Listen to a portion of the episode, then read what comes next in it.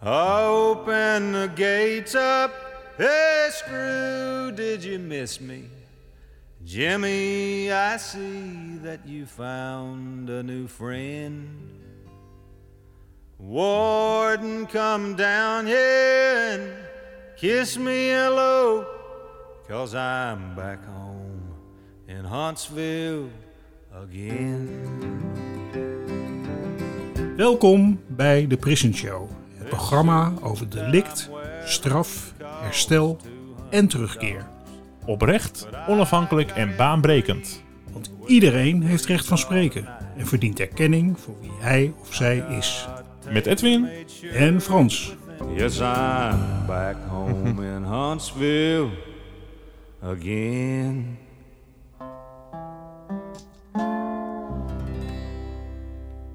Welkom bij een nieuwe editie van Prison Show Podcast. In je favoriete podcast app te vinden op Spotify en prisonshow.nl. Zo Ja. is het. Vanuit het veilige Wessaan in het veilige Nederland. Ja, zeker. En eh, op het moment dat eh, deze podcast wordt uitgezonden, zal ik in eh, Griekenland zijn op vakantie. Ook op zich Maar, een veilig land. Dus ik ben hartstikke internationaal, internationaal bezig en dat past goed bij het onderwerp van vandaag. Ik moet zeggen dat we toch wel heel regelmatig vanuit de Stichting Herstel en Terugkeer contact hebben met mensen die in het buitenland eh, gedetineerd zijn. En, eh, ja, die problematiek is toch wel heel, heel bijzonder. Dus vandaar dat ik ook wel heel erg blij ben met onze gast van vandaag. Ja, want eh, daar gaat het inderdaad over. Stichting Dutch and Detained is een onafhankelijke non-profit organisatie die zich met gratis juridische ondersteuning inzet voor een eerlijke procesgang en de humane behandeling van Nederlanders die zijn gedetineerd in landen waar niet aan de mensenrechtenverdragen eh, eh, wordt gedaan of die daar niet aan voldoen. Zo, zogenaamde zorglanden zijn dat. Daarnaast verleent Dutch Detained intensieve juridische ondersteuning aan Nederlanders die de doodstraf riskeren. Zij richten zich op de meest kwetsbare, veelal kansarme gedetineerden. Veel voorkomende kwetsbaarheden zijn armoede, positie van afhankelijkheid, cognitieve beperkingen en fysieke of psychiatrische problematiek. Hun ervaringen uit de individuele ondersteuning zet Dutch in Detained in voor een structurele verbetering van de positie van deze gemarginaliseerde groep. Nou, dat is eigenlijk eh alle mond vol, maar eh, er valt nog wel het een en ander te zeggen. Eh, Dutch and Detained is onafhankelijk en ze zijn vrij om te beslissen welke zaken ze in behandeling neemt en welke ondersteuning wordt geboden. De exacte ondersteuning verschilt namelijk per zaak, afhankelijk van onder andere het land van detentie, de verdenking, persoonlijke omstandigheden, de kwaliteit van de lokale advocaat en de fase waarin de strafzaak zich bevindt.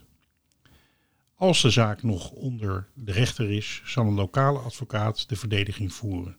Dutch and Detained richt zich op de integriteit van het strafproces, dus fair trial, de individuele behandeling in detentie en vult de lokale advocaat aan met specialistische kennis van de internationaal rechtelijke Nederlanders, Nederlandse en diplomatieke componenten van de zaak. Het gros van het werk is echter post-conviction, dus na de veroordeling.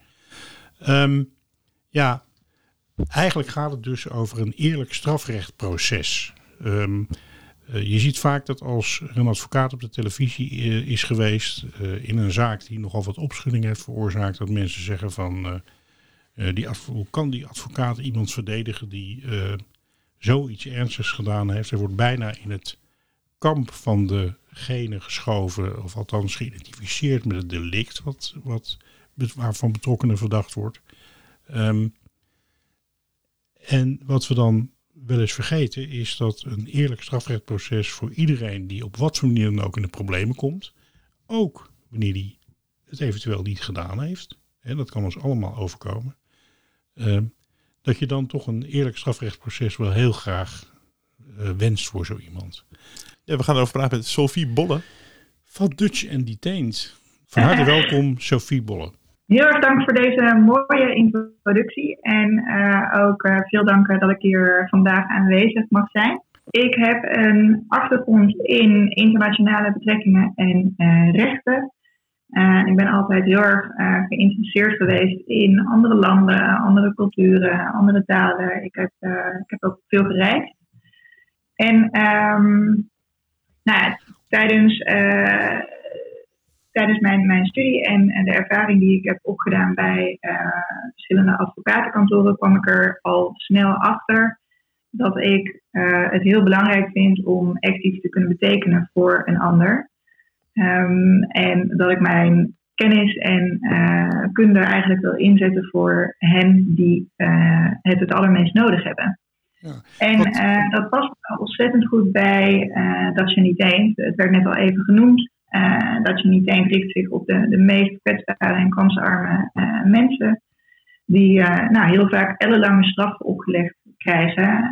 die ze ook nog eens in erbarmelijke detentieomstandigheden moeten ja. uitzitten. Hey, wat was voor jou de meest indrukwekkende reis die je tijdens je jonge jaren, zeg maar, je studententijd uh, hebt gemaakt? Um, nou, ik heb uh, een jaartje in Barcelona gewoond en vervolgens een jaartje in uh, Parijs gewoond. En um, ja, dat waren niet echt losse reizen, maar dat, dat was gewoon een ontzettend fijne, fijne tijd. dat was vlak na mijn middelbare school. En ja, toen werd ik helemaal op mezelf teruggeworpen. Toen hadden we nog geen smartphones en dat soort dingen. Dus ik ja, kwam eigenlijk echt aan um, zonder dat ik in, in, in Barcelona, zonder dat ik de taal sprak en zonder dat ik uh, met behulp van mijn telefoon nog een hele hoop dingen kon, ja, kon, kon als, als mijn telefoon als hulpmiddel kon gebruiken. Ja. Um, en ja, sindsdien, ik heb toen ook uh, Spaans geleerd en vervolgens ook uh, Frans geleerd. En uh, sindsdien is mij dat altijd blijven, blijven trekken. Ja, dat, geweldig dat voor je ontwikkeling, hè, dit. Ja, zeker. Ja. Dit te doen. Om helemaal los van je eigen context in, in Nederland en je familie en, en je vrienden ja, op zo'n manier um, te leven een tijd. En dat is best wel een tijd geweest, hè? Twee keer een jaar ben je in het buitenland ja, geweest. Zeker. Ja. ja. En het is ook, denk ik, een van de dingen die mij heel erg bijblijft, is dat aan de ene kant, op het begin heb je echt een soort van cultuurshock, omdat je denkt dat alles anders is. Maar um, vrij snel daarna kom je er eigenlijk achter dat dat heel erg meevalt. Dat um, helemaal als je op een gegeven moment taal ook wat beter speelt, maar dat, dat uh, spreekt, maar eigenlijk dat, dat een hele hoop mensen um, op zoek zijn naar hetzelfde in het leven. Uh, en, en dat je uh, veel meer gemeenschappelijk hebt dan hetgeen wat verschilt van elkaar. En um, sowieso ook als het verschilt, als, di- als, landen in, als dingen in andere landen anders geregeld zijn, dan is dat ook heel mooi om te zien. Dat je dat je, je realiseert van oké, okay, het hoeft niet allemaal op dezelfde manier zoals ik gewend ben om het te doen. Ja. Dus, dat is een mooie, ja. mooie constatering. En ook, uh, denk ik, een hele, hele belangrijke en, uh, en inspirerende eigenlijk. Hè? Want we zijn allemaal gelijk, maar ook wel een beetje anders. Daar komt het een beetje ja. neer. Ja. En die verschillen, die, zijn ook, uh, zijn, die kan je ook waarderen. Ja, zeker. Absoluut. Ja. Um, en ja, toen ik dus eigenlijk op een gegeven moment via via in contact kwam met het werk van Stichting Je Niet Eens, toen wist ik direct, nou daar wil ik werken. Mm-hmm. Uh, ik vond het echt nou, zo'n ontzettend mooie missie. En um, het sluit ook heel goed aan bij mijn profiel. En hier, ja, het is al genoemd um, dat je niet eens zet zich in voor de, de, de meest kwetsbare gedetineerden. En ik vind het een voorrecht dat, dat ik daar elke dag een bijdrage aan kan leveren. Ja, jullie werken wel in een ontzettende complexe omgeving, heb ik eigenlijk begrepen. Ontzettend veel relevante partijen. Je, misschien zou je voor de luisteraar eens willen, die partijen eens willen langslopen en de verschillende relaties uh, beschrijven die je met deze partijen hebt en de belangrijkste thema's die daar spelen. je hebt natuurlijk de verdachte, zijn of haar familie, de rechters, de officieren van justitie, advocaten, Nederlandse consulaat of de ambassade ministerie van Buitenlandse Zaken en nog meer andere, nog meer organisaties of partijen. Zou je ons eens mee willen nemen in die, in die hele complexe omgeving waarin jullie werken? Ja, uiteraard. Um, nou, eventjes in, in grote lijnen uh, wat er gebeurt als je wordt aangehouden mm -hmm. um, in het buitenland. Als jij wordt aangehouden in het buitenland, heb je recht op consulaire bijstand. Um, en consulaire bijstand houdt eigenlijk in dat uh, de diplomatieke post uh, bij je op bezoek kan gaan. Uh, in de zorglanden, dus de landen waarin wij actief zijn, krijg je een financiële bijdrage. Um, nou, het is ook zo dat Nederland kan niet in de rechtsgang van een ander land treden. Andersom is dat ook zo. dat staan we in Nederland namelijk ook niet toe. Als bijvoorbeeld, ik noem maar wat, een Amerikaanse ambassadeur zich inhoudelijk gaat bemoeien met een strafproces van een Amerikaan dat hier in Nederland plaatsvindt.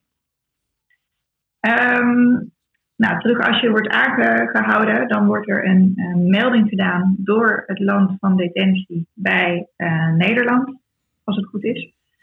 Um, en vervolgens ontvang jij een informatiepakket waarop in uh, uitgelegd wordt wat uh, consulaire bijstand is. Um, en in dat informatiepakket zit ook informatie over de subsidiepartners. Dat zijn de, de, eigenlijk een soort van verlengstuk van de consulaire bijstand. Um, dat zijn Stichting EPAFRAS, Reclassering Nederland en Wij voor Juridische Ondersteuning. En dan kan jij op dat informatiepakket aangeven uh, dat je graag, uh, ja, dat je, je kan je daar aanmelden voor onze juridische ondersteuning. Um, dus dat is wel een mooi bruggetje naar uh, het, het, strafproces in het buitenland. Want het verschilt natuurlijk in elk land hoe het strafproces is ingericht. Want er zijn altijd andere regels. Maar tegelijkertijd, uh, op grote lijnen komt dat ook wel heel erg overeen. De officier van justitie leidt de vervolging, de advocaat voert de verdediging en de rechter die neemt de beslissingen. En wij passen eigenlijk niet heel goed in dat hele klassieke plaatje. Um, het werk van Dutch niet is echt uniek. wereldwijd is er geen andere organisatie die structureel gratis juridisch advies uh, verleent aan ja, onderdanen die in het buitenland gedetineerd zijn. Ja, sowieso heel fantastisch dat het, dat het ook gratis is. Want geld, geld voor een dure advocaat, maakt vaak in heel veel landen heel veel verschil. Hè? Um, juridische bijstand is bepaald niet gratis, over het algemeen. Nee, zeker. Um, het, het verschil, kijk, in Nederland zijn we natuurlijk uh, uh, gewend dat, dat, er, uh, dat je automatisch, eh, als je te weinig inkomsten of vermogen hebt, een advocaat van de staat toegewezen wordt. En je kan zelfs daar ook nog een voorkeursadvocaat voor kiezen. Dus als jij al een advocaat kent die je graag zou willen, die ook ehm, gratis rechtsbijstand verleent, dan uh, heb je daar ook nog wat in te kiezen. Uh, maar in de meeste landen uh, in het buitenland is het allemaal wat slechter geregeld. Mm en nou, sowieso is de rechtsbijstand in andere landen ziet er gewoon heel erg anders uit. Ja, wat, wat, wat zijn er belangrijkste thema's die, die spelen in jullie relatie met de verdachte?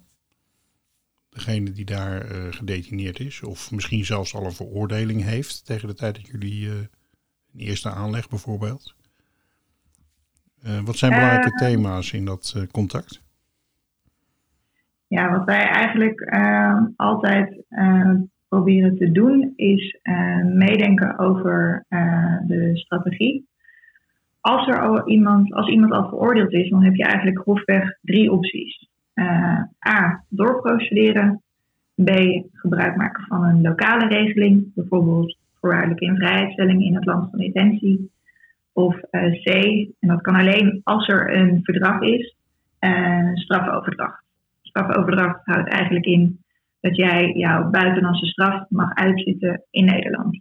Mm Um, en wij kunnen meedenken uh, met het maken van uh, deze strategische keuze. Uh, wij hebben daarin een grote meerwaarde ten opzichte van de lokale advocaat, die niet altijd kennis heeft van nou, deze internationale componenten of um, zich realiseert dat bij hem buitenlander er, er componenten kunnen spelen die een, een, een, keuze anders maken ten opzichte van iemand die onderdaan is van het land van detentie.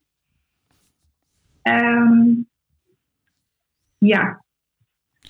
Dat beantwoordt wat je vraag? Ja, zeker. zeker. Dat, dat is heel duidelijk. Ehm, ehm, dus ik begrijp dat de, het is contact met de verdachte, maar in een aantal gevallen ondersteunen jullie ook de advocaat van de verdachte in het bijstaan van de verdachte.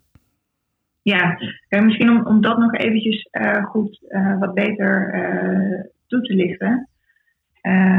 Waar mogelijk hebben wij direct contact met de verdachte. Maar wij zijn er natuurlijk om juridische ondersteuning te geven. En het contact met de verdachte ziet dan ook altijd op um, nou, de juridische aspecten van de zaak. Het zijn geen social visits per se die wij doen. Mm um, zowel Stichting EPAFRAST als Reclassering Nederland, de andere subsidiepartners in de gedetineerde begeleiding die werken met uh, lokale vrijwilligers en die kunnen ook uh, bezoeken afleggen ja. aan de gedetineerden. Ja, voor zover um, dat uh, mogelijk is, hè? want het is lang niet altijd... Dat ja. ja. En het zal ook niet altijd mogelijk zijn om rechtstreeks contact met een verdachte te hebben, bijvoorbeeld telefonisch of wat dan ook. Klopt, dat is, dat is een, een uh, best wel grote uh, struggle. We proberen daar ook altijd heel uh, creatief mee om te gaan. In elk land is dat heel uh, anders. In het ene land zijn er bepaalde e-mailsystemen waar we van gebruik kunnen maken. Dus dan gaat dat contact redelijk soepel. Um, soms kunnen we gedetineerden bellen of kunnen gedetineerden ons bellen. Um, er zijn ook landen waar uh, we moeten terugvallen op het schrijven van brieven. Um, we proberen ook heel erg die samenwerking te zoeken met de uh, lokale uh, partners on the ground. Dus zowel die vrijwilligers die ik net al noemde, als bijvoorbeeld de diplomatieke post. Um, zodat we ook nou ja, onze brieven of, of, of, boodschappen via hen bij de gedetineerden kunnen krijgen. dus het is echt heel erg ja, bewerkelijk en ook heel erg maatwerk om te kijken wat nou mogelijk is in een concreet geval om contact te leggen met iemand. En soms ja, soms is het ook gewoon echt heel erg, heel erg lastig. Helemaal in tijden van uh, corona, toen de gevangenissen sloten. Mm ja, toen werd het voor ons uh, ontzettend moeilijk om die gedetineerden te begeleiden. Ja. In een aantal landen, dat moet ik er ook bij zeggen, ehm, heeft het ook tot een positieve ontwikkeling geleid. Omdat ehm, videobellen ineens mogelijk werd gemaakt. Ja. En uh, heel vaak was dat dan alleen voor lokale advocaten. Uh, maar met, een, nou, met, met ook inzet van uh, de Nederlandse ambassade hebben wij in een aantal gevallen het voor elkaar gekregen dat wij dan ook legal calls mochten hebben met onze cliënten. Hebben jullie ook dus, veel contact met de familie van de mensen die gedetineerd zijn? Ja, zeker. die weten ons eigenlijk altijd heel goed te vinden. heel vaak zit de familie ook in Nederland. Dus dat maakt de lijnen dan ook veel korter. Um, en ja, wij hebben, um, wij, wij, proberen de familie altijd op de hoogte te houden van de juridische aspecten van de zaak. Um, en we proberen altijd mee te denken over de keuzes die er gemaakt moeten worden. het is wel zo dat uh, uiteindelijk, kijk, wij, um, de cliënt, dat is degene voor wie wij ons, ons inzetten. Ja. En dat is uiteindelijk de belangrijkste persoon. En het is niet per se zo dat, um, ja, dat we de hele tijd ons op de familie richten om, om de familie moreel te ondersteunen verder. We zijn echt bezig met het het juridische aspect, ja. Ja. En de relatie tussen uh, gedetineerden en, en zijn familie kan ook heel uh, verschillend en ook heel complex zijn af en toe, neem ik aan. Ja, klopt. En de, de cliënt moet ook eigenlijk altijd aangeven aan ons wie zijn contactpersoon is. Um, dat is dan de persoon waar wij ook contact mee onderhouden. Um, en waarmee wij kunnen overleggen. En tegelijkertijd, kijk, in de, in, in, in de meeste gevallen uh, kan het, is het contact met de familie ook heel goed. En ehm, dan is het ook, is, is de familie ook echt een, een bron van uh, hulp voor de gedetineerden. Ehm, zowel financieel als, als uh, moreel gezien. En um, dan kunnen wij ook met de familie uh, nou, samen kijken wat er, wat er uh, mogelijk is om de cliënt zo goed mogelijk te helpen. Want de familie is vaak ook heel goed op de hoogte uh, van wat er allemaal speelt. Ja, ja, ja, ja, Om een voorbeeld te noemen. Um, soms kan het helpen om de persoonlijke omstandigheden van een cliënt uit de doeken te doen. Nou, voor een lokale advocaat uh, is dat vaak ontzettend lastig. Want als een cliënt een hele lange tijd in Nederland heeft gewoond, hier is opgegroeid, hier zijn familie heeft, dan betekent dat dat die persoonlijke omstandigheden ook hier in Nederland liggen.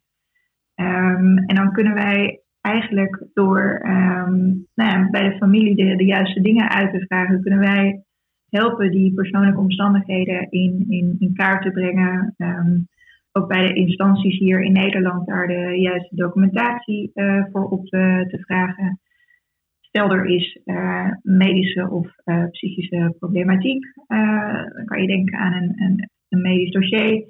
Um, je kan ook denken aan, nou, stel iemand heeft een, een, een schoon strafblad hier, kunnen wij dat opvragen en dan kunnen wij dat als een soort van nou, hapklaar pakketje aanleveren bij de lokale advocaat.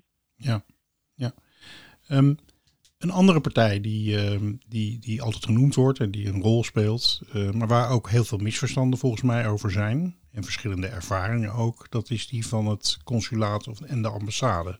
En misschien goed om hier nog eens uh, te vertellen van, goh, wat kan je eigenlijk verwachten van een consulaat en, en de ambassade? Je vertelde al, ik neem aan dat dat pakketje wat iemand krijgt, dat informatiepakketje, als de ambassade uh, hoort dat iemand gedetineerd is, dat komt van hun vandaan, hè? neem ik aan. Ja, klopt. Um, ja. Dus daar begint het eigenlijk mee. Uh, en wat kan je als uh, gedetineerde en familie van deze partijen verwachten als je in deze situatie? Nou, de uh, ambassade of het consulaat zal proberen om op bezoek te komen, zo snel mogelijk. Uh, en dat hangt heel erg af van het land van detentie, uh, hoe snel dat is en hoe makkelijk dat ook is. Um, en er kunnen nou, tot maximaal vier bezoeken uh, per jaar plaatsvinden van een consulair medewerker. Mm-hmm. Um, daarnaast geven zij eigenlijk een, een structurele financiële bijdrage aan de mensen die in de, de zorglanden zitten. Dat is wel even goed om er uh, bij te zeggen, want je hebt de, de, de zogenaamde zorglanden. Dat zijn de landen die niet aan de mensenrechtenverdragen voldoen. En je hebt de, de niet-zorglanden, wat nou, grofweg de landen binnen de Europese Unie uh, zijn, plus uh, Canada, Australië, Nieuw-Zeeland, Singapore en Japan. Mm-hmm. Um, en die consulaire bijstand die verschilt dan dus ook tussen de zorglanden en de niet-zorglanden. En waar ik het nu over heb, is de consulaire bijstand in de zorglanden. Mm-hmm. Uh, je krijgt dus ook, uh, je ontvangt een financiële bijdrage waar ik het net al over had. Dat is uh, eh, 30 euro per maand. En dat wordt gedaan omdat in de zorglanden het vaak heel slecht gesteld is met de detentieomstandigheden. En omdat je uh, kijk, in Nederland zijn we gewend dat als je in de gevangenis terechtkomt, dat je dan een aantal basisbehoeftes uh, vanuit de overheid krijgt. Uh, en in andere landen is dat gewoon heel anders. Ehm, Heb je het gewoon over nou, voedsel en dat soort dingen? Ja, precies. wij horen geregeld dat, dat mensen zelf hun matrasje moeten kopen. en inderdaad, er wordt wel een soort van basisvoedsel nou, bijvoorbeeld één of twee keer per dag gegeven. Maar dat is vaak heel eenzijdig uh, en, en ongezond uh, voedsel. Um, en met die financiële bijdrage kan je dan uh, een stuk beter redden door ja, hygiëne, producten, extra eten, et cetera, bij te kopen. Ja. Wat denk ik ook heel goed is om te, um, te melden is dat die consulaire bijstand ook uh, beperkt is. In de zin dat er zijn ook een hele hoop dingen die Nederland niet kan doen. Uh, Nederland kan niet jouw advocaat in het buitenland betalen. Um, dat is echt voor het land van detentie om uh, daar, nou ja, als jij zelf geen geld hebt, om, om direct bijstand te, te regelen. Die wel vaak ondermaats is. Maar daar kan, Nederland kan daar niet ehm, ja, verder iets aan doen. Dat zou een interventie zijn in een, uh, in een ander land, of niet? Als ze dat ah, zouden doen. Uh, dat, dat is denk ik geen interventie in een ander land. Dat is meer het, het, het treden in de rechtsgang als Nederland zich inhoudelijk zou bemoeien met de, de strafzaak. Dus Nederland zou zeggen, ja, wij vinden toch echt dat het anders zit en dat deze persoon uh, vrijgesproken moet worden. Dat is e-, absoluut uit een boze. Dat kan Nederland ook echt niet doen. Um, je bent aangehouden in het land van detentie en daar gelden de regels van het land van detentie. En um, nou ja, jij hebt geen speciale positie als Nederlander uh, in dat land. En Nederland kan zich ook niet bemoeien met jouw uh, rechtszaak, niet inhoudelijk. Ik denk dat het belangrijk is dat je dit zo duidelijk gezegd hebt. Want ik, ik, kom vaak tegen dat mensen het gevoel hebben: ik ben toch Nederlander, ik word in de steek gelaten. Hè? En ehm, jij geeft heel helder aan waarom dat is. Hè? Dat er niet getreden kan worden in uh, de zaken van een land wat jou vervolgt, zeg maar. Ja, ja. het is heel erg cru gezegd, maar um, het is eigenlijk een beetje een, een, een, risico. Zodra je Nederland verlaat dan, en je bent in het buitenland, dan gelden de regels uh, die in dat buitenland gelden. Ook voor jou als Nederlander. Ja. Um, ja. Oké. Dus ja, en dat is, uh, nou ja, normaal gesproken heb je niet met het ministerie van Buitenlandse Zaken te maken, neem ik aan. Maar met het consulaat en de ambassade, als je gedetineerd bent. Ja, klopt. Als gedetineerde uh, heb jij contact met uh, dan wel het consulaat, dan wel de ambassade. Ehm, de mensen die zich nog in Nederland bevinden, dus de familie, die heeft contact met buitenlandse zaken. Mm en okay. buitenlandse zaken staan natuurlijk in nauw contact met de uh, diplomatieke posten in het buitenland. Ja. Nou zijn er internationaal regelingen uh, voor uh, de mogelijkheid om in Nederland een deel van de straf uit te zitten die je in het buitenland gehad hebt. En um, kun je daar iets meer over vertellen? En ik neem aan dat je dan ook dat je dan niet alleen met uh, dat je dan ook met andere organisaties in Nederland te maken hebt, zoals de reclassering of met uh, het ministerie van uh, Veiligheid en Justitie. Ja, dat klopt. Um, met een aantal landen, lang niet met elk land, maar met een aantal landen is er een verdrag voor strafoverdracht. op grond waarvan je, als je tenminste aan de voorwaarden voldoet, jouw buitenlandse straf in Nederland mag uitzitten. Um, en um, nou ja, dat is dat, dat super mooi dat het er is. Uh, dat is ooit in het leven uh, geroepen in de jaren tachtig, omdat de gedachte is dat um, uh, iemand nou ja, in het land van herkomst eigenlijk het beste kan voorbereid worden op de terugkeer in die maatschappij, omdat het ook waarschijnlijk de maatschappij zal zijn waar diegene na afloop van de straf terugkeert. Dus die insteek, die gedachtegang achter uh, strafoverdracht is uh, resocialisatie. Ja.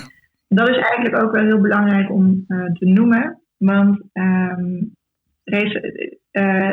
de strafoverdracht is dan dus ook echt een, een, een gunst en geen recht. En het is vanwege die resocialisatie, wat dus eigenlijk ziet op ehm, nou ja, een groot voordeel voor de Nederlandse uh, maatschappij. Um, en wat ik hier eigenlijk mee wil zeggen is dat het dus ook niet zo is dat strafoverdracht uh, vanuit humanitaire overwegingen uh, in het leven is geroepen. Ja. Of dat het een manier is om. Um, nou ja, de, de, iets te ja, doen aan de detentieomstandigheden of wat dan ook. Dat, daar is het niet ja. voor bedoeld. Het is echt het belang van reïntegratie uh, wat weer goed is voor de Nederlandse samenleving als mensen op een goede manier terugkeren. Ja. Dat is het argument. En uiteraard is, uh, is het vaak wel um, een gevolg dat je dus in betere detentieomstandigheden hier in Nederland terechtkomt. Dus heel veel gedetineerden willen ook heel graag met strafoverdracht naar Nederland. Maar, en, en het is natuurlijk ook voor hen een, een hele goede manier om te, nou ja, hun straf op, op humane wijze te kunnen uitzitten. Maar het is niet per se een instrument dat ook echt bedoeld is met die insteek. Nee. Wat is de rol van de reclassering daarin? Eigenlijk is er niet echt een rol voor de reclassering per se bij strafoverdracht. Dan komen ze in het reguliere systeem terecht in Nederland. En dan net als Nederlandse gedetineerden uh, kunnen ze dan gebruik maken van de diensten die reclassering heeft. Maar ze hebben ook een bureau uh, buitenland en daar hebben gedetineerden nogal eens contact ja. mee, hè? Ja, misschien is het dan handiger om um, straks nog even los de vraag te stellen van wat de rol van uh, een bureau buitenland is. Ik kan me trouwens ook voorstellen dat het heel interessant kan zijn om ook hen een keertje uit te nodigen. En zij kunnen het nog veel beter vertellen dan uh, hoe ik het dadelijk vertel. Dan, uh, dan, dan doen, we dat, doen we dat laatste. Dan nodig gaan we ze een keer uitnodigen. Want, ik, want, ik wil, want ik wil eigenlijk wel terug naar, de, naar een hele basale vraag die, die sommige mensen misschien heel vanzelfsprekend vinden, maar die in de wereld al lang niet meer vanzelfsprekend is. En soms zelfs in Nederland ter discussie staat. Dat is namelijk de vraag van wanneer kun je een strafrechtproces eerlijk noemen? Ja, dat is een, een, een, een hele uh, goede vraag. Um, het recht op een eerlijk proces kent eigenlijk heel veel verschillende uh, elementen. Uh, maar de basis komt eigenlijk uh, op het volgende neer. Um, als verdachte moet jij kennis kunnen nemen van de verdenking die er tegen jou ligt. er moet dus een soort van officiële ten lastelegging zijn. En om daar kennis van te nemen, moet jij dat ook kunnen begrijpen. Als jij dus niet uh, de taal van het land van detentie machtig bent, dan heb jij een recht op een tolk. Um, een ander belangrijk element is dat jij uh, verdedigd uh, moet worden door een advocaat. En dat het ook een effectieve verdediging moet zijn. Met effectieve verdediging, kan ik later nog wel eventjes ja, wat meer uitwerken. Uh, maar dat ziet eigenlijk op de, de, de kennis en, en, kunde en betrouwbaarheid van de lokale advocaat. Nou, dan is er een onafhankelijke en onpartijdige rechter die um, over jouw gevangenhouding en over jouw uh, schuld of onschuld moet beslissen. En uh, dat hele gebeuren moet eigenlijk ook nog eens binnen een redelijke termijn plaatsvinden. Wat is een redelijke termijn? Dat is heel erg moeilijk om dat uh, uh, te zeggen, uh, want dat verschilt heel erg per geval. Ehm, denk aan bijvoorbeeld een, strafzaak die heel ingewikkeld is, met, met nou ja, een gigantisch dossier, met, met veel internationale componenten, waarbij er ook um, bijvoorbeeld veel rechtshulpverzoeken aan het buitenland gedaan worden, waarbij heel veel onderzoek moet plaatsvinden. In zo'n zaak uh, die duurt uiteraard langer om voor te bereiden dan een simpele winkeldiefstal. Um, dus dat zijn allerlei componenten die, die, die meespelen. Het kan ook zo zijn als jij als verdediging bijvoorbeeld, uh, als jij als verdachte switcht van advocaat en daarmee uh, om uitstel vraagt, omdat je zelf meer tijd nodig hebt, mm. nou, dan kan je dat vervolgens niet toerekenen aan ehm, de staat. Dus er zijn allerlei componenten die, die, die, die meestal dus heel moeilijk om in een concreet geval te zeggen. Nou, wat ik wel, uh, wat ik wel, be, wat ik wel eens begrepen heb, is dat uh, iemand uh, binnen een jaar in ieder geval voor de rechter moet staan. En dat wanneer het langer duurt, zeg maar, hè, het hele strafrechtproces, dat het in ieder geval belangrijk is dat dat uh, tijdens een zitting ook aan de orde komt. Hè? Dat, dat waarom het dan uh, langer moet duren. En dat dat als het ware ook een bepaalde ja. uh, legitimering krijgt. In plaats van dat ja. wat je soms zeg maar meemaakt of hoort, is dat mensen drie tot zeven jaar gewoon zonder proces in een, in een land gedetineerd zitten. Ehm, ja, dat klopt zeker. Een, een, een rechter die moet uh, zich buigen over de rechtmatigheid van uh, jouw gevangenhouding en hoe langer het duurt. Uh, hoe meer de balans daarin ook verschuift nadat het mogelijk onredelijk wordt om jou nog langer vast te houden. Ja. Kijk, wat bijvoorbeeld ook heel erg meespeelt is, als, is, is de verdenking. Als, je, als jouw eh, verdenking heel licht is, eh, als jij naar alle waarschijnlijkheid ook maar een, een, een vrij lage straf opgelegd krijgt, eh, dan is een eindeloos voorarrest, eh, dat kan natuurlijk niet, want dan heb je dadelijk langer in voorarrest Ja. gezeten dan de straf die je uiteindelijk krijgt. Ja. Dat is Ja. anders als er een, op het moment dat er een hele zware verdenking eh, tegen jou ligt. Ja. Dus dat zijn zomaar allerlei eh, elementen die meespeelt en eh, die meespelen daarbij. Ja, en in heel veel landen dus ook ja. termijnen. ehm, bijvoorbeeld dat elke, elke nou, twee maanden de rechter zich weer opnieuw moet buigen. Naarmate de, de Ja. tijd vordert, is die gevangenhouding nu nog, ehm, ja, nu, nu nog, nu nog eh, te rechtvaardigen of niet. Kijk, en wat in het buitenland voor onze gedetineerden heel erg lastig is, is dat eh, als de rechter zich buigt over de rechtmatigheid van de, de gevangenhouding, dan worden daar ook een aantal eh, criteria ehm, bij, ehm, ja, eh, bij onderzocht. Waaronder bijvoorbeeld het vluchtgevaar. Eh, soms kan eh, het Openbaar Ministerie aanvoeren van ja, het is bij deze specifieke verdachte belangrijk dat die nog vast blijft zitten. Want als die wordt vrijgelaten, dan vlucht hij het land uit. En dan kunnen we het strafproces niet meer laten plaatsvinden. En wij zien eigenlijk een soort nou, bijna een automatisme dat het voor buitenlandse gedetineerden dus eh, heel erg lastig is om ehm, de eh, voorlopige hecht- hechtenis te laten schorsen. Ja. Eh, als buitenlander, als Nederlanders die ook onze cliënten die in het buitenland vastzitten, het is ongelooflijk lastig om voor hen bijvoorbeeld met een enkelband die gevangenissen uit te komen en het strafproces buiten de muren eh, te mogen afwachten. Ja. Ik heb, eh, ik heb wel eens een eh, project gedaan in een, in een Russische gevangenis. En ehm, dat was een huis van bewaring.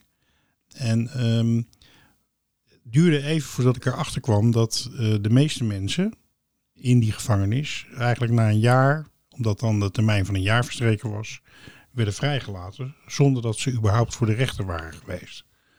Ehm, dat had te maken met internationale afspraken die in die tijd gemaakt waren. na een jaar moest je voor de rechter zijn geweest. Dat haalden ze niet. En dan kon die vervolgens konden die mensen weer later opgepakt worden op verdenking van iets. En dan zaten ze vaak weer een jaar. Ehm, dat, dat geeft een beetje aan hoe ehm, eh, vloeibaar het soms is, hè, het recht in sommige landen. Hoe ingewikkeld om er greep op te krijgen. Ja, zeker. Ehm, absoluut. En, en wat wij ook wel vaak zien is, zeg maar, zelfs als iemand wel eh, het lukt om de eh, procedure in vrijheid te mogen afwachten, dan kan het nog steeds heel veel problemen opleveren. Want je mag dan het land van detentie niet uit. Je zit dan dus, je bent wel eh, buiten de gevangenismuren, maar je zit eigenlijk nog steeds vast in het land van detentie. En je moet dan wel in je levensonderhoud kunnen eh, voorzien. Eh, het is vaak niet makkelijk om dan eh, nou, een baan te vinden. Heel vaak is er geen lokaal netwerk waar je op kan eh, terugvallen of een plek om, om, om te verblijven. Ehm, dus dat is ook zeker niet, niet zaligmakend. En daarmee ja, is, dat, is dat gewoon heel erg eh, eh, eh, ja, een, een- een lastig punt. Wat wij heel vaak ook tegenkomen bij onze Ja. cliënten. Hey, en adequate rechtsbijstand, hè? Dat, dat is ontzettend belangrijk natuurlijk voor het strafrechtproces, voor het eerlijk strafrechtproces. Kun je iets zeggen over de uitdagingen die jullie daar soms bij tegenkomen als je probeert dat te organiseren in een land? Ja, zeker. Ehm, nou, adequate rechtsbijstand, eh, dat ziet eigenlijk op, op twee dingen. Eh, zowel op de kwaliteit eh, als op de betrouwbaarheid van de advocaat. En met kwaliteit bedoel ik eigenlijk dat hij nou, gedegen juridische kennis heeft, dat hij het dossier goed bestudeert, dat hij kijkt of er vormfouten gemaakt zijn, dat hij nou, op een rijtje zet wat mogelijke verweringen kunnen zijn, dat hij aan de hand daarvan eh, een verdedigingsstrategie opstelt die, die, die nou, gewoon logisch is en die hij vervolgens ook uitvoert. Ehm, En wat betreft de betrouwbaarheid, uh, nou, dat ziet natuurlijk ook heel erg op dat, dat iemand ook daadwerkelijk voor je aan de slag gaat. en dat hij niet nou, wil jouw geld aannemen, maar vervolgens niks doet. En eigenlijk op, op al die gebieden zien wij enorm veel uitdagingen. Um, tegelijkertijd, ook als er wel goede advocaten betrokken zijn, ook dan zijn er specifiek voor nou, buitenlandse gedetineerden best een hoop uitdagingen. Want um, nou ja, je hebt heel vaak, uh, spreek je de, de, taal van het land van detentie. Uh, betekent ook vaak dat het heel moeilijk is om te communiceren met jouw lokale advocaat. Uh, dat gaat soms echt met handen en voeten. Um, en nou ja, je hebt op zich ook helemaal geen recht op een tolk om uh, met jouw advocaat te kunnen communiceren. Dat betekent dat dat, dat gewoon heel erg, ja, heel erg lastig gaat, dat er heel snel miscommunicatie op de loer ligt. Dat het vaak ook heel erg veel ja, tot, tot frustratie kan leiden. En een tweede punt is dat er ook gewoon heel veel cultuurverschillen zijn in nou, wat je nou verwacht van een advocaat. Hier in Nederland zijn wij heel gewend dat een advocaat eigenlijk bij jou op bezoek komt om jou te ontmoeten. Dat hij jou betrekt bij de verdediging, dat hij jou uitleg geeft. Wat staat je nou te wachten? Uh, wat is het plan? Wat, wat gaan we aan de strategie aan, aan proberen voeren, et cetera? Um, nou, dat is in het buitenland lang niet altijd het geval. Um, bezoek kan heel erg ongebruikelijk zijn. En dat kan er dan toe leiden dat, dat iemand dus wel een, nou, op zich een goede advocaat heeft. Maar omdat die, die persoon eigenlijk niet ziet en er gewoon niet goed mee, mee kan communiceren, heel snel het idee krijgt van diegene die doet niks, er wordt niks gedaan. Die, die, die laat me in de steek. Wat nou, tot, tot veel frustratie en, en een vertrouwensbreuk uh, zou kunnen leiden. Um, en wij kunnen daarin uh, eigenlijk uh, nou, als, een, als een soort van schakel tussen de cliënt en de lokale advocaat optreden. Door die, die, ja, die, die, toch die, die uitleggen en, en dat, dat aanvullende stukje strategiebespreking en zo ja. aan te vullen. Ja. Nou, lijkt me ontzettend goed en belangrijk werk. Wat is, wat is jullie rol bij een uitzetting of een strafoverdracht naar Nederland? Hè? Dat is ook een, een hele mooie vraag. Um, uitzetting en strafoverdracht zijn eigenlijk uh, twee uh, hele verschillende dingen. Mm -hmm. uh, strafoverdracht hebben we het al even over gehad. Dan kan jij jouw buitenlandse straf in Nederland uitzetten. En bij uitzetting wordt iemand eigenlijk aan het eind van zijn straf uitgezet naar Nederland. En dat is heel vaak in combinatie met een ongewenste verklaring. Dat wil zeggen dat je het land niet meer terug in mag. En um, het kan super vervelend zijn als iemand bijvoorbeeld al lang in de Verenigde Staten woont, daar ook een gezinnetje heeft, daar ook een baan heeft, als diegene wordt uitgezet terug naar Nederland. Want dan kan die, dan, ja, dan kan die zijn gezin daarna uh, niet meer zien. Um, en wij proberen daarom ook heel vaak mee te kijken wat nou voor uh, een cliënt uh, het, het, beste is. Want een, een lokale advocaat, die realiseert zich niet altijd dat dat een automatische consequentie kan zijn van een detentie. Mm -hmm. En als wij daarin kunnen meekijken, nou ja, dan, dan kunnen we dit soort schijnende gevallen toch proberen te voorkomen. Lukt dat, af, en, lukt dat af en toe? Ja, dat, dat lukt zeker. We kunnen bijvoorbeeld proberen om nou, uitzetting in zijn geheel te voorkomen. Of bijvoorbeeld een duur van een onwensverklaring zoveel mogelijk te beperken. Oké. Okay. en bij strafoverdracht verzoekt de gedetineerde eigenlijk heel expliciet om de rest van zijn straf in Nederland uh, uit te, te zitten. Um, nou, wat wij van tevoren doen is dat wij een inschatting maken of uh, strafoverdracht überhaupt kansrijk is. Um, en ook dat is iets waar, waar het uh, denk ik heel belangrijk is dat wij de lokale verdediging hierop aanvullen.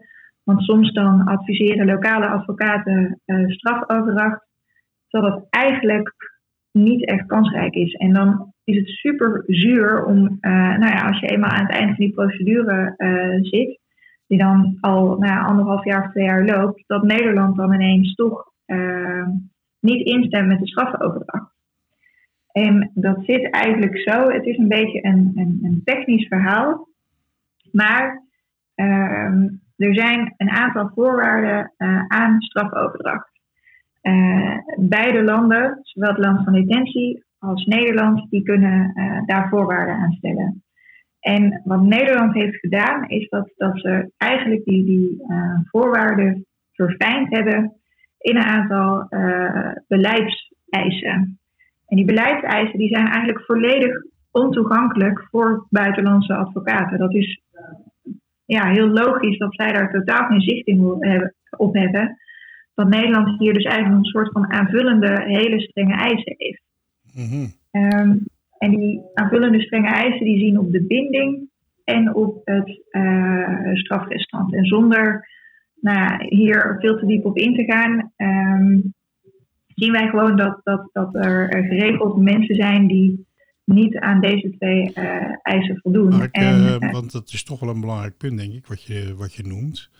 Um, yeah. Binding betekent eigenlijk van in hoeverre je beschouwd kan worden als iemand die gebonden is aan Nederland. Ja, aan de Nederlandse maatschappij inderdaad. De Nederlandse maatschappij. Dus iemand kan wel even hier gewoond hebben, bij wijze van spreken, maar nog steeds niet beschouwd worden als iemand die in aanmerking komt voor zo'n overdracht. Um, omdat hij meer binding heeft misschien met andere landen of te weinig met Nederland? Klopt, ja. Wat Nederland eigenlijk doet, is dat ze, uh, ze kijken in, het, uh, in de gemeentelijke basisadministratie waar iemand in de vijf jaar voorafgaand aan de aanhouding ingeschreven stond. En um, als iemand dan nou langer dan vijf jaar niet in Nederland heeft gewoond, voorafgaand aan de aanhouding, dan wordt in beginsel uh, aangenomen dat die persoon te weinig binding met de Nederlandse maatschappij heeft. En um, ja, wij zijn er eigenlijk heel, heel kritisch op. wij maken geregeld mee dat een gedetineerde eigenlijk wel in die vijf jaar voorafgaand aan aanhouding in Nederland woonde, maar zich om wat voor reden dan ook niet ingeschreven hadden. Um, bij de gemeente. Dus uh, nou ja, dan, dan moet die binding eigenlijk ja. op een andere manier aangetoond worden. Dat is best wel complex, kan dat zijn, hè? Dat kan zeker complex zijn. Dan proberen we met bijvoorbeeld uh, bankafschriften, uh, abonnementen zoals sportabonnementen of OV-abonnementen, ja. huurcontracten. Maar je, maar je kunt dus ook in Nederland geboren zijn? bij wijze van spreken. Um, en, en tien jaar geleden naar een ander land zijn geëmigreerd, maar je hele familie woont nog in Nederland. En dan niet in aanmerking komen voor die strafoverdracht.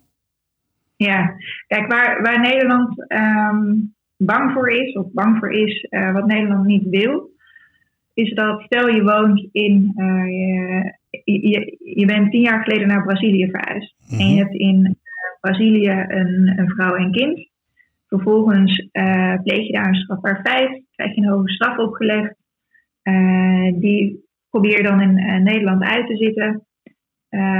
Maar zodra je in Nederland vrijkomt, stap je weer linea recta op het vliegtuig terug naar Brazilië om bij je vrouw en kind te zijn. Mm-hmm. Daarvan zegt Nederland, ja, dat, dat staat eigenlijk nergens op. Het is echt bedoeld voor degenen die ook daadwerkelijk van plan zijn om uh, terug te keren in de uh, Nederlandse maatschappij. Ja. Dat betekent dus ook dat, uh, dat je, als jij niet die vijf jaar vooraf gaat in, in Nederland, want in Nederland is hier echt, echt super, super, super streng op, dat je heel goed jouw aanvraag tot strafoverdracht moet gaan voorbereiden. Ja. en dat is ook waar wij absoluut bij, bij kunnen helpen. Om, om zoveel mogelijk duidelijk te maken dat iemand daadwerkelijk van plan is om terug te keren in de Nederlandse maatschappij. Ja, ja. Die andere, die, dat, is, dat is helder. Um, het andere criterium was het strafrestant. Hè? Dus het, het, deel van de straf wat nog uitgezeten moest worden. Dat is een hele rekenarij, hè, denk ik. Omdat, uh... Absoluut. En dat, dat zijn vaak hele lange berekeningen.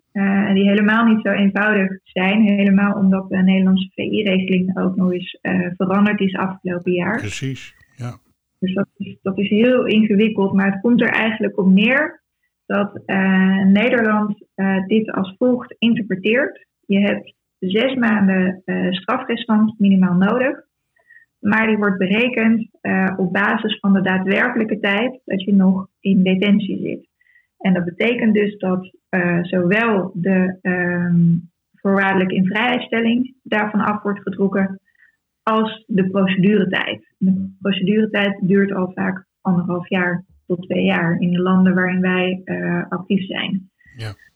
En dan blijft er al heel snel eigenlijk, um, ja, kom je in de problemen. Uh, en is het dus heel erg van belang om uh, tempo te maken met uh, het verzoek tot strafoverdracht. Ja. En ook hier kunnen wij een, een grote rol spelen door nou ja, druk op de ketel te houden en, en proberen zo'n zo'n zo'n aanvraag er gewoon zo snel mogelijk doorheen te loodsen. Ja. Ja, ik hoor ook een beetje, ik hoor je ook een beetje zeggen van eigenlijk is die strafoverdracht alleen maar echt de moeite waard wanneer het echt over langere straffen gaat. Hè? Klopt, zeker. Um, als je een, een, een, straf onder de, de, de drie jaar hebt, uh, is het eigenlijk al uh, onmogelijk vanwege het hmm. strafrestantcriterium. Um, ja, kijk, wat, wat ook nog eens zo is, is dat de tijd die jij in voorarrest hebt gezeten, die wordt er ook vervolgens nog eens uh, van afgebroken. En wij zien soms hele schrijnende gevallen van uh, mensen die uh, nou ja, er echt een beetje in zo'n tussencategorie zitten. Die, uh, ik noem maar wat, in de Dominicaanse Republiek, die al 2,5, 3 jaar hebben moeten wachten op hun um, behandeling van hun zaak, het voorkomen van hun zaak. Die dan tot 6, 7 jaar veroordeeld worden. Um, en die dan nou, nog eventjes wachten met het indienen van een verzoek tot strafoverdracht. Um, waarna eigenlijk er gewoon geen, geen te weinig tijd meer overblijft. Ja. Terwijl dat op zich is zes, zeven jaar is natuurlijk wel een, een, een, een, een lange straf. Dat is Substantieel, een, ja, kun je wel zeggen. Ja. ja. Maar voor strafoverdracht wordt het dan dus al heel vaak uh, toch best wel krap. Ja, ik snap het. Ik snap het. Zo goed om dit, uh, dit inderdaad te weten. Um, ook voor familie, um, uh, ook voor de gedetineerden zelf, maar ook voor de familie. Die, ja, die komen in een wereld terecht. Hè. Uh, dat, dat merken wij sowieso al als het gaat om... Als een dierbare in de gevangenis in Nederland zit, dan kom je al in een volkomen vreemde wereld eigenlijk terecht als familie. Um, ja, als het in het buitenland is, is dat helemaal natuurlijk aan de hand. Hè? Van wat, wat, wat, wat, wat moet ik hiermee? Um, dus ik wou eigenlijk, eigenlijk aan je vragen van, goh, uh, wat zou jouw advies zijn als je een, een, dierbaar, een kind of een partner of een ouder van, van iemand bent en uh, je hoort ineens, hè, hij ging met vakantie of uh, hij ging even om de hoek een pakje sigaretten halen, bij wijze van spreken. En ineens is het volgende wat je terug hoort dat hij ergens in een vreemd land in de gevangenis zit. Wat, wat doe je dan? Hoe ga je daarmee om? Mijn, mijn uh, eerste advies is zoek hulp. Uh, er zijn instanties die je kunnen helpen. Um, uh, een detentie van een familielid in Nederland is inderdaad, zoals je hebt gezegd, al heel ingrijpend. En bij een buitenlandse detentie komt er nog zoveel meer op je af. Um, en er zijn allerlei partijen die, die ondersteuning bieden. Kun je daar een de, paar van noemen? Partners, ja, zeker. Um, je hebt Stichting EPAFAS. Zij mm -hmm. uh, geven uh, geestelijke ondersteuning aan Nederlanders die in het buitenland zijn gedetineerd. En zij werken met een lokaal uh, netwerk. Dan heb je nog een, een hele belangrijke partner, is ook het Bureau Buitenland van Reclassering Nederland. Die we gaan uitnodigen. Ja, dat, zou, dat zou heel leuk zijn, denk ik. Um, ook zij hebben een, een, netwerk van lokale vrijwilligers die op bezoek kunnen bij jouw familielid. Maar speciaal voor uh, familieleden hier in Nederland hebben zij ook uh, thuisgevonden informatiedagen. Waar je uh, dus als familie naartoe kan gaan en dan kun je in contact komen met andere mensen die in hetzelfde schuisje zitten. En ik denk dat dat uh, lotgenotencontact ook, ja, ook heel belangrijk is. Zeker. Um, en dan vanuit onze expertise, um, wat heel erg belangrijk is, is eigenlijk als, als iemand net is aangehouden, is uh, het zoeken naar een, een goede en betrouwbare lokale advocaat. Dat is ook iets waar wij echt goed mee kunnen helpen. Een hele hoop problemen die, nou, die ik eerder in deze podcast heb, heb aangestipt, die kunnen voorkomen worden als er iemand uit ons netwerk naar voren wordt geschoven. Ja. En het is super belangrijk om hele goede, heldere afspraken te maken uh, met de lokale advocaat. Ja. Wat ga je betalen en wat krijg je daarvoor? En uh, nou ja, ook zet de afspraken uh, op papier, ook als dat niet per se gebruikelijk is in het land van detentie. En een andere tip die, die heel erg belangrijk is, betaal in termijnen. Maak niet zomaar een hele grote kwak met geld over.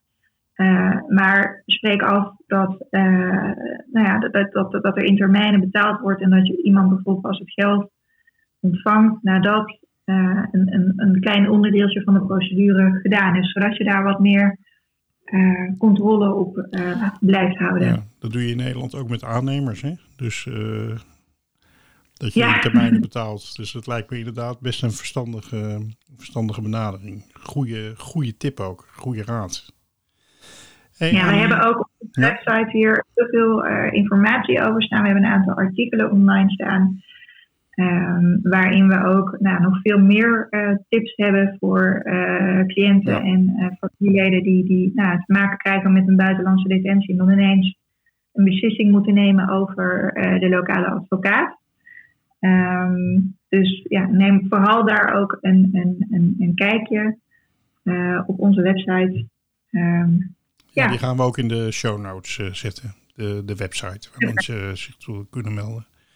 Hey, en uh, nog iets anders. Um, over financiering. Hè? Jullie worden gefinancierd ook vanuit giften, begreep ik? Klopt, ja.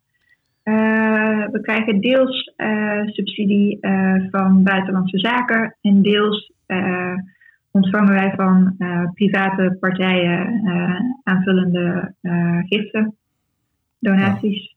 Ja. dat, lijkt me, dat lijkt me ontzettend belangrijk. En ik, ik vind het ook mooi om te horen dat dat gebeurt. Dat er gelukkig partijen zijn die, die een onafhankelijk strafrechtsproces, een eerlijk strafrechtsproces voor iedereen, wat iemand ook gedaan heeft of waar die van verdacht wordt, die dat kennelijk belangrijk vinden.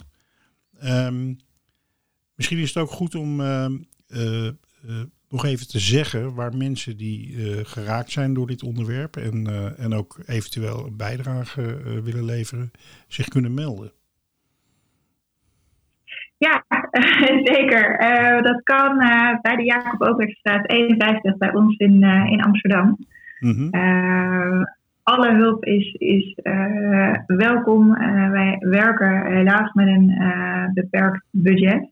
Mhm. Ehm, maar uh, ja, we vinden wel dat echt iedereen uh, die in een penibele situatie in het buitenland zit, uh, recht heeft op, op onze juridische ondersteuning. Mm um, en ja, dat het, wij denken dat het gewoon ontzettend belangrijk werk is. Wat, en, en hoe meer financiering hebben, we hebben, hoe meer mensen we ook kunnen helpen.